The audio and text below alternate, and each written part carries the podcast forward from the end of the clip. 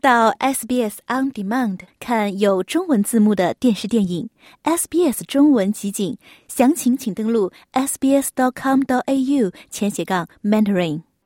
从法律角度看待社会现象，以专家意见指点生活迷津。请听现场说法。现场说法，您了解法律、咨询问题的空间。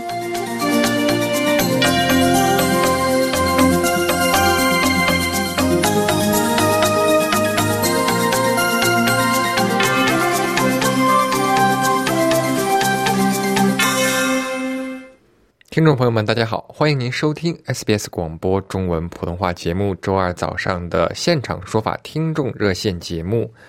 今天想与大家讨论的话题是呢，因为近日悉尼华人区两名超市店员当街制服涉嫌偷盗的顾客引起的热议。一名涉嫌偷盗的顾客走出店铺后，在街边被两名店员拦下并制服。一些人声称店员此举可能会触犯法律。店家遇到涉嫌盗窃的情况，应当怎么办呢？除了警察和 authorized officer 外，遭遇偷窃的店家是否有权将嫌疑人制服？过程中有哪些法律风险？今天我们邀请到奥斯劳奥和绿业管理合伙人林慧明律师，从案例出发，与您聊一聊，在澳洲遇到涉嫌偷盗，应当如何应对？林律师早，早上好，浩斐，听众朋友们好。嗯。我们想与您聊的话题是关于这个悉尼华人超市店员当街制服涉嫌偷盗的顾客的问题啊。我们刚才也讲到，店员在制服后呢，在身上搜出了未支付的超市货品，随后他们仍然制服着该男子，并等待着警察的到来。那么在此期间，被制服的男子试图做出反抗，并言语警告商家称这样做是人身伤害，要告他们损害了自己的权益。一些旁观者认为店家做的对。制裁了偷窃行为，另一些人则认为店家有权检查购物袋，但无权搜身或以其他的方式执法。店员此举可能会触犯法律。那么，在澳大利亚遇到涉嫌偷窃的行为，应当如何应对呢？首先，想请林律师介绍一下关于店铺失窃的这个情况，以及在情景中店家遇到这种情况，应该在店内有哪些权利呢？哎，好的，好，谢谢浩飞您的问题，呃，我相信大家可能看到很多新闻，经常会看到，哎，比如说有一些这个呃不法分子啊，他可能进来就就随手就拿一些东西，这价值呢可能有时候也不是很高，但是呢动不动就这里拿一些，今天拿一些，明天拿一些，后来来扰乱一个正常的经营行为，实在是非常令人讨厌。所以，一定的店铺失窃的问题呢，需要让我们引起关注，并且让我们知道说，我们应该要做些什么。那么，关于店铺失窃呢，在法律里的概念呢，呃，我们用法言法语来讲，叫做 shoplifting，它呢占报告的呃店铺年度的损失啊，大部分的占据大部分的比例。那么偷窃者呢，来自可能来自各行各业，社会经济背景呢各异，但基本呢分为两类群体，一类呢是业余的 shoplifter，一一类呢是专业的盗窃者。那业余的盗窃者呢，他可能是某种冲动的。行为，在我们过去办的一个案件当中啊，甚至有办理过是一个呃高薪的一个呃知识分子，嗯，但他他在这个过程当中呢，他甚至在事后描述的时候，他自己都回忆不起来，说当时他为什么这么去做了，只是觉得当时那一刹那他不想去付款，嗯，啊呃，甚至他不是忘了，他他知道自己呃不不不会付，但他就不想付，想去体验这个过程。啊，呃，也有比如说年轻的朋友，他曾，比如说一些年轻人啊，他跟他的朋友去赌注说，呃，他有这个能力，他想展现这个能力，不会被人发现之类的。所以这类呢，我们被称为是业余的这个偷窃者。还有一类呢是专业的偷窃者，他可能是两人或者多人，并且有蹲点、有这个策策划的行动，对于某些。店铺的这个失窃、盗窃的这个行为，呃，尽管他们有可能是独自行动，但他们呢，可能是呃，这个有多人，比如说在帮他这呃盯盯盯梢啊，或者打配合啊，让他能得到更多的这个呃这个盗窃的这个行为跟产品。那么这个方面，专业盗窃者呢，也是我们在法律。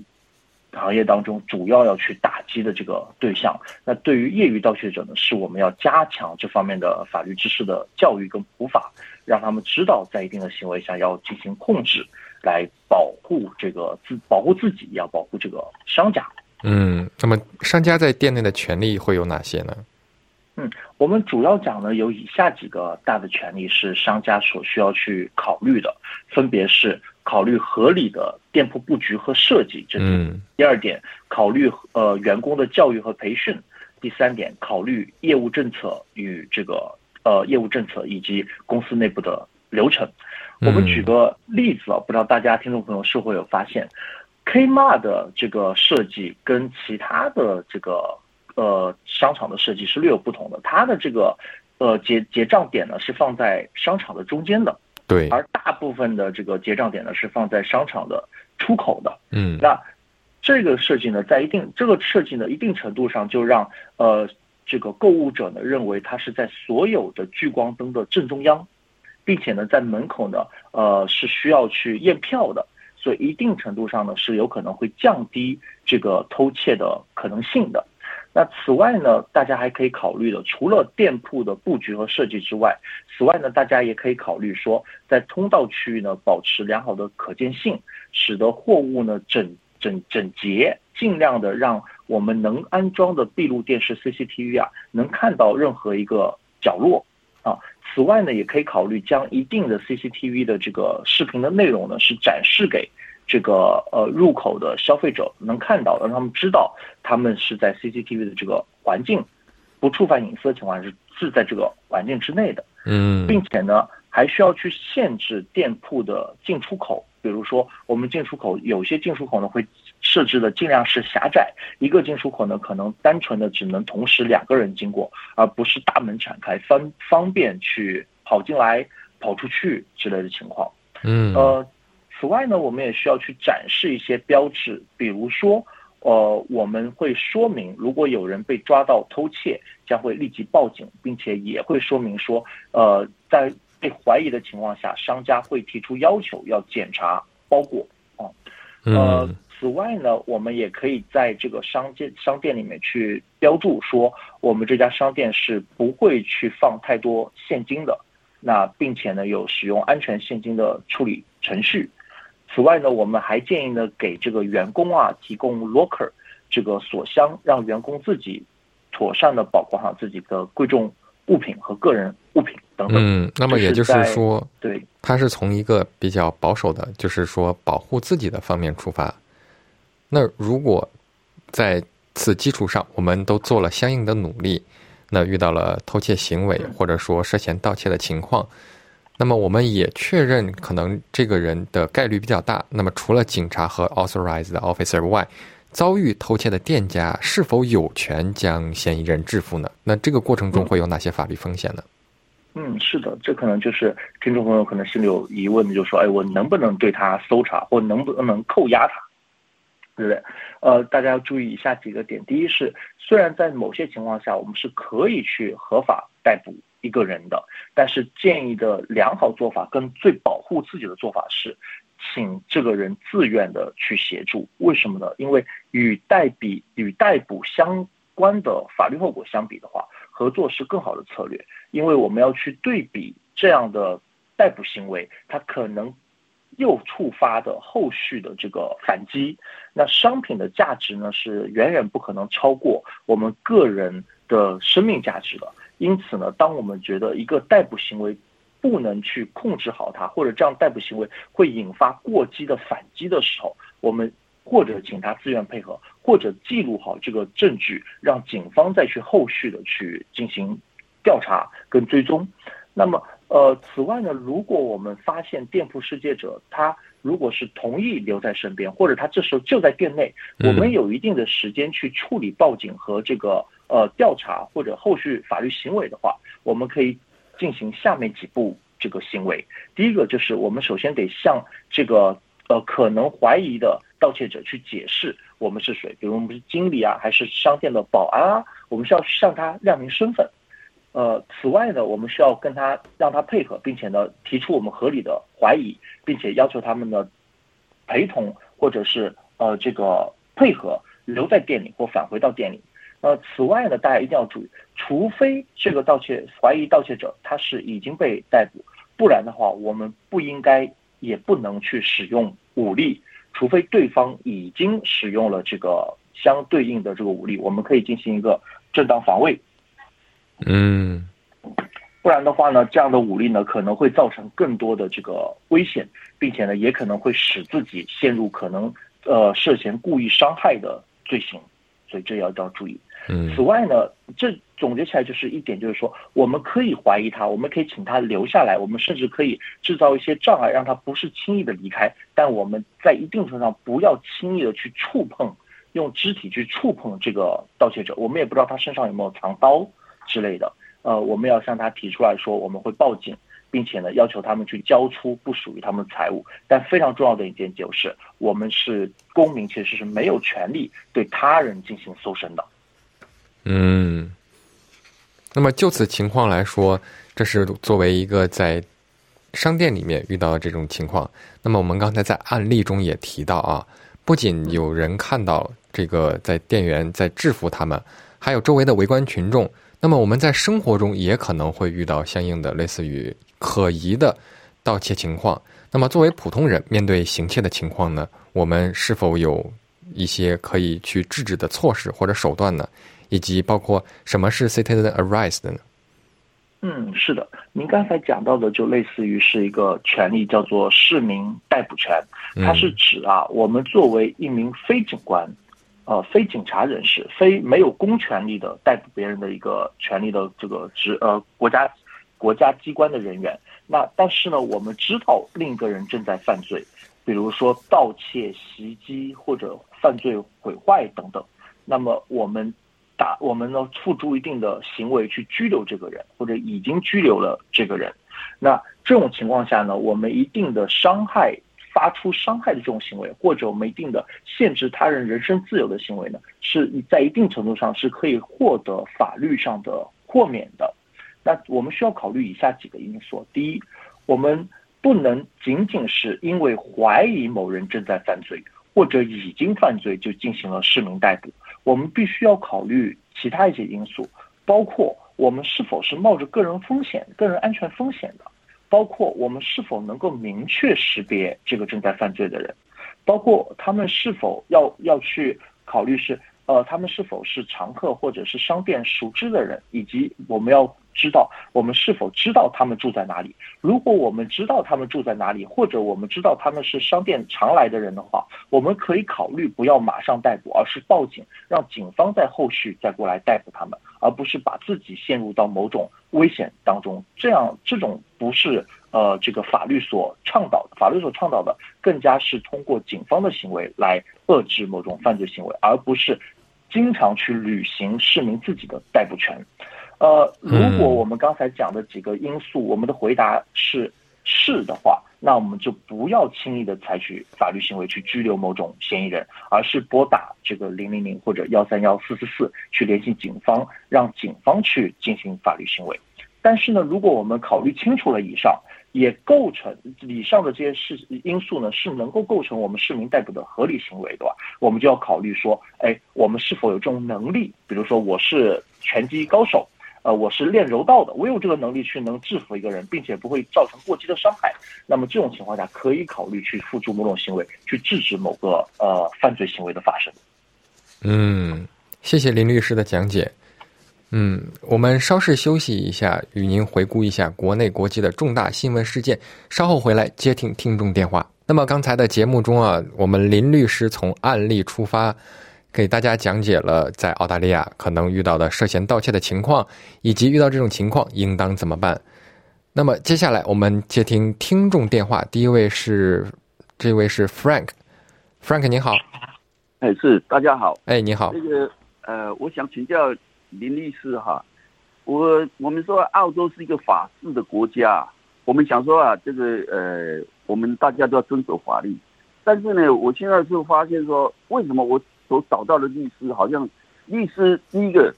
啊，就是说，呃，给我很大的麻烦，造成很大的错误，啊，让我呃得到很大的赔偿。然后第二个呢，我啊，呃，现在要找其他的律师来告我错误的律师了，但是现在这些律师呢，好像都不敢接哈，这个律师要告律师这个案子，啊，结果呢，他们给我推荐到这个呃法律工会，但是法律工会这个这个有一个什么 The Social Reform Service，我人到了律师工会，他们结果也不让我到这个办公室去，然后呢，只是给我电话，打了电话又都不回，啊，所以只是他们俩推来推去，好像，呃，这个我后来找回到我过世的律师这个，他说啊，这个赔偿的金额太大，他不能够跟我赔偿，他这个这个要找他的保险公司给我来这个好像理赔，但是呢，这个就是说，呃，我又要花一大笔钱。又要跟这个保险公司的律师来啊，好像说这个个呃起诉这个问题，所以啊，好像说我们没有钱就没有办法去啊起诉这个律师了。那这样的话，还有什么其他的单位不要花那么多钱啊，能够去找这个所谓过世的律师来这个起诉我那个错误的律师呢？嗯，这一点我觉得是。非常谢谢您的问题。那么，对于专业人士的这个职业过失行为的话，可能分为两类，一类叫做 negligence 职业过失，因为第二个呢叫做过错 misconduct。这两个是主要的这种职业过失行为呢，都可能会客户造成额外的这个损失，并且要承担相关的这个赔偿。那当然，这也是一个追究的过程。任何一个追究过程，可能都是要付出时间成本、精力成本，甚至是经济成本的。那么您刚才提到说，哎，为什么呃律师告律师这么难？这可能也是同行们之间的相对一个业务比较小的一个范围，也是相对非常谨慎敏感的一个业务。所以呢，在市场上，您可能要去寻找专门做这个呃 professional misconduct 或者 professional negligence 这方面的律师来呃帮助您。那大部分的律师呢，其实他们不太做这个业务。大部分律师他们可能做商法业务，或者是家庭法业务、移民业务等等。但有极少数的律师在市场上，他们是专攻这个方向的。所以您可能要去考虑说，您可能要找对了某种在这个领域当中做的律师，那他们可能会有更有经验，或者是更有这个处理的方式，能够帮助到您去追究其他专业人士的这个过错。此外呢，像您提到的这个呃律师工会，他们呢是会处理这个可能的律师的这个过失行为，甚至是过错的。您可以去投诉，但是呢，这样的投诉呢，可能确实时间上是需要一定的等待的，因为他们的人力可能会比较紧张，所以呢，他们要收集证据，他们要调查，他们要再去倾听可能有过失行为的这位律师的一些回应，最终才会做出个决定。所以您可能要在。调查这方面它是免费的，律师工会不会向您去收取钱，呃，这个进行这个调查，但是他们觉着实需要一些时间进行调查，所以您的经济成本省略了，但是呢，您的时间成本却提高了，所以这方面要做一个平衡，这是第二个选择。第三个选择是保险，但保险的话是基于说确认这位专业人士他是有过失行为，那保险会赔；那不确认的话，保险是。会有一个跟您去呃质质辩质证的这个过程的，所以呢，呃，除非我们有直接的证据，或者我们通过一定的这个证据向他们证明了这样的过失，律师是有过失行为的，并且给我造成了损失，那他们就会立刻赔，不然的话，我们还需要走在一个质证的这个过程当中。所以这三个方式当中，由您需要付出更多时间成本，节省经济成本的。也有您要付出更多经济成本来加快时间的，所以呢，在这当中我们要取决一个平衡。Frank，希望以上能帮到您。嗯，谢谢律师，谢谢 Frank。什么什么地方可以找到这个你说 professional negligence 这这种律师呢？哦，您可以联系，您是在新州的话，您就上新州的律师工会，呃呃，它叫做那个 N S N N S N N。对对对，您联系 NLS，呃，NLS，对，Legal Society，您联系它上面，它会有一个呃呃律师的这个呃 reference list 之类的，那你在上面可以找到哪些律师，他专门是做什么行业的？那有没有那种所谓 no win no fee，no win no fee，no win no fee 这这种呃意思？一般 no win no fee 是不适用于专业人士过失和民事纠纷，因为这属于民事纠纷嘛。一般呃 no win no fee 是适用于人身伤害的，所以呃应该不会适用到您的案件。行，谢谢 Frank 的咨询，谢谢林律师。哎，接听下一位听众电话是梁先生，梁先生你好，哎，你好，早上好。哎，你好，哎，我我住在墨尔本的，呃，我的邻居以前呃，现在换了个新的邻居，他就重盖房子，他平整土地以后呢，那个水呢，因为他的地势比我高，差不多有半呃一米，他的水就流到我的院子里面，流到我的房子里面，那当时我就。找到了康守，康守就给了我一个那个 builder builder 那个电话，然后 builder 就把那个房东的电话跟那个 email 给我，我就跟他联系了，他会讲中文，我就把情况告诉他，我说你平整土地以后，这水都流到我这边去了。他说好，他说他找一个呃经理来看一下，结果从此以后呢，我怎么反应，怎么说话。每逢下雨的时候，那水都流到我家里面去。我现在地板都吱吱作响了，他就一直都不回不回应我的任何的事情。找了一个 builder，builder 说他只是盖房子的，这方面的问题一定要找房东去解决。供水公司又说这不是污水的问题，他不负责任。找康所呢，康所就是说这个部门推那个部门，这个部门推那个部门，每个部门都耽搁我。十天二十天，结果到现在呢，一到下雨的时候我就提提心吊胆。我们本来在七八十岁的人都准备在这里安居、居呃养老的，现在搞得我们都很疲惫。我想就请问律师，有一我们下一步应该怎么找到这个房东来出面处理这个问题？起码就是大家要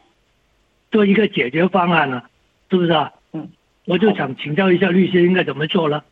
我在墨尔本。您的问题，哎，谢谢您的问题。您的问题呢，属于邻里之间关于这个可能的这个呃侵权的问题的发生。我想先请问一下啊，就是呃，您跟他之间是就是土地连着土地背靠背的？没有，还是您有有有 fence 隔开的？有 fence 隔开。然后当我的房子盖了有差不多十年了。好的，没有其他公共区域在当中啊，比如说还有一个公路啊，在当中没有了吧？没有没有没有。好的啊，没有没有，就是你知道墨尔本的地块就是很方块的嘛，很整整齐的长方形的，都是这样。大家有前面的路，后面 fence 就靠 fence，就这样。理解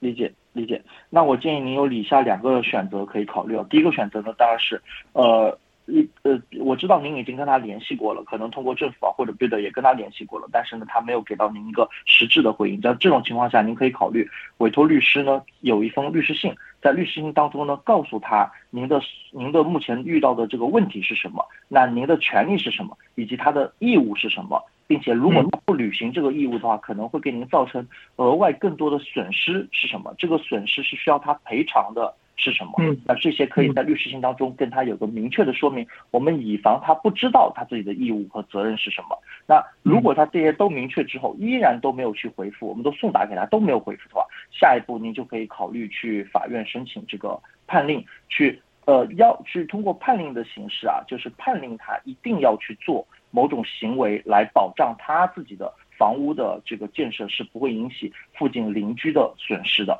这是第一种，这第一种。第二种呢是，如我们知道，第一种呢它是需要一定的时间，需要一定的过程的。但是呢，我们又不想我们的这个每天就经常下雨的话会提心吊胆，或者我们的这个水渗进来之后啊，造成别的损失，像您刚才讲的地砖啊、地板啊之类，还有更多的损失产生的话，我会建议呢是在一定程度上可以考虑是我们自己先修，把这个损失给定掉。给定掉在某个额度定掉，然后损失定掉之后，不会再造成更多的损失之后，我们拿着这个 builder 的发票啊，然后再去走后面的过程，再让律师去写信给他，让他呢去就我们支付的这个维修的费用进行我们一个呃这个报销和这个赔偿，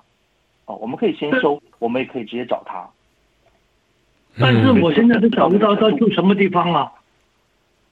哦，什么？抱歉。他说他是在海外啊，他说他不在澳洲。呃，我理解，我理解，有些海外投资者可能有这个物业，但是越是这样的情况下，说明我们跟他的联系的联络成本有点高。那这种情况下，我们的这个可能造造成的损失是不能等待的。因此呢，我会建议可以一定程度上我们自己考虑先修好，把这损失给定掉，然后定掉之后，我们再去追究他这个金额。就是除了嗯，谢谢梁先生的咨询。哎，谢谢律师。政府嗯部门可以投投诉了吗？呃，政府部门投诉的话，其实也是最终会回到我们刚才讲的一跟二，但政府部门他们是不会去花钱修复私人财产的。嗯，谢谢梁先生的咨询。因为时间关系，我们要接听下一位听众电话。下一位是洪先生。哎，林律师你好。哎啊、是这样的，我房东把车子借给了我室友，然后我室友不小心撞到了我的车，然后我去申请了保险。我想问，保险会找房东，还是会找我室友？也就是会找车主，还是会找肇事者呢？去索赔？哦，房东把自己的车借给了您的室友是吗？嗯，对。OK，首先呢，呃，房东呃，首先呢，保险公司呢会理赔给房东一笔修复的费用或者是现金，然后呢，他可能会对肇事者，也就是室友或者是撞到室友的那个其他的肇事车辆进行一个索赔，呃，进行一个追偿。哦，是这样的啊，被撞的是我，然后车是房东的，然后驾驶人是室友。呃，那是这样的，这个室友呢，他跑去了别的州发生这件事以后，然后警察已经来找过他了，然后目前我们只拿到了他的呃生日和呃呃全呃名字，但是将来保险公司追责的时候会不会找不到他？因为可能没有地址。嗯，有可能的，包括他如果离境之后，那这样的追索追偿行为呢，可能就会成难度越来越大。所以呢，一定程度上，但是这一定程度上不会影响房东拿到这笔赔偿，但一定程度上会影响到保险公司去拿到这笔呃肇事者的这个赔偿，给保险公司这个过程。那对于车主来说，或者说，呃，对于车主来说，就因为我和房东关系比较好，我并不想让房东赔付这笔钱，嗯，嗯。所以是保险公司会垫付，然后如果他追偿不到肇事者的话，保险公司会会会会做这个冤大头，对吗？啊，保险公司它既然有这个服务，它需要去处理，就是在风险发生的情况下，它需要去承担这个风险。除非一种情况就是这样的行为它发生在这个保险的理赔范围之外，那保险公司就可以拒绝理赔了。不然的话，保险公司它就有义务，这就是它的服务，就是它生意要去承担这个风险。嗯，谢谢洪先生的咨询。听众朋友们，欢迎回来，让我们继续接听听众电话。下一位是黎先生，黎先生你好。呃，主持人好。哎，你好。嗯、呃，林律师啊，我想问一下那个，替朋友问一下这个，就是现在，啊、我朋友他和新的女朋友已经同居了，但是他们想做那个婚前财产公证，想问一下这个婚前财产公证是在六同居六个月之内做比较好，还是同居一年之后做，一年之内做比较好，还是同居两年之内必须要做掉？就要问这个问题，谢谢。哎，好的，谢谢您的问题。那么有以下几种情况可能会构成事实婚姻啊，就需要考虑说财产的分配的问题了。分别是第一种情况，我们通过这个法律登记，直接去登记为这个 civil relationship 事实民事事实关系，或者登记成结婚。这种情况下，双方就需要去讨论自己的财产了。第二种情况就是有孩子，有了孩子之后，双方也进入了事实婚姻，那另一方也可以主张自己的资产。那第三种呢，就是您讲到的同居的年限，那一般来说呢是两年。两年同居在一个屋檐下，两年之后呢，也可以去主张另一方的这个财产。所以呢，呃，可以提早去准备婚前财产财产公证，但是我会建议大概在一到两年的时候就需要去考虑这件事情，要拿到台面上去讨论了。哦，行，就是两年之内必须要做掉，对吧？呃，两年之后也可以，但两年之后呢，对方已经有这个权利了。那两年内的话，是对方还没有这个权利，我们提前去讲。哦，这这两两两年之内如果做的话，必须两两双方都得去找律师，找不同的律师，然后做这种事情，对吧？嗯，您说的对，是的，双方得有自己的律师。然后等于婚前所有的财产全部要公证一遍，公示一遍。哦，对的，要揭露所有的资产跟所有的债务。行行行，嗯，行，谢谢李先生，李先生咨询。哎，接听下一位听众电话是陈先生，陈先生您好。哎，你好，嗯，我想咨询一下林律师，就是说，呃，华人区吧，经常会有了夜里边的一些呃那个黑人的小孩闯进家里边来，像这种情况，呃，作为嗯，家里边可不可以采用暴力手段，比方说棍呐、刀啊，来来来制服他，或者说来来来攻击他，可不可以呢？就在夜里面，啊，嗯，这种情况是否可以呢？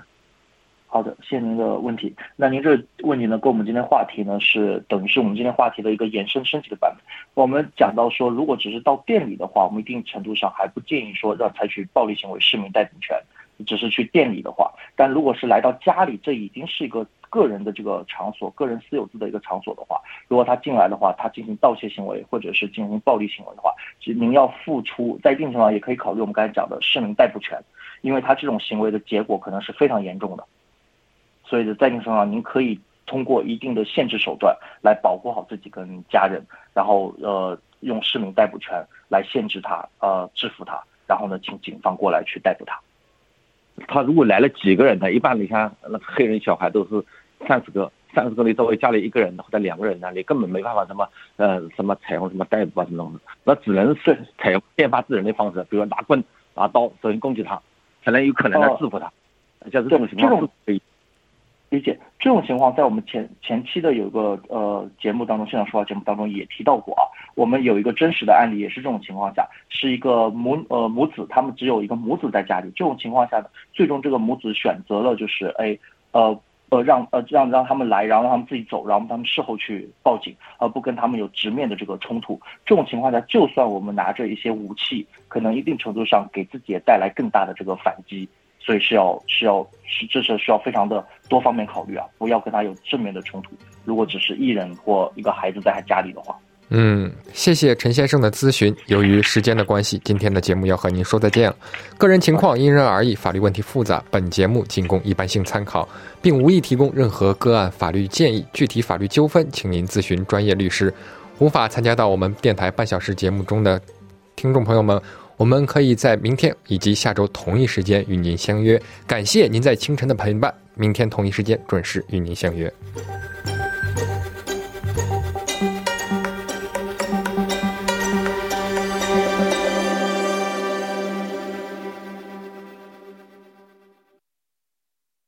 了解澳洲，融入澳洲，欢迎登录 sbs 点 com 点 au 前斜杠 language 前斜杠 mandarin。获取更多澳大利亚新闻和资讯。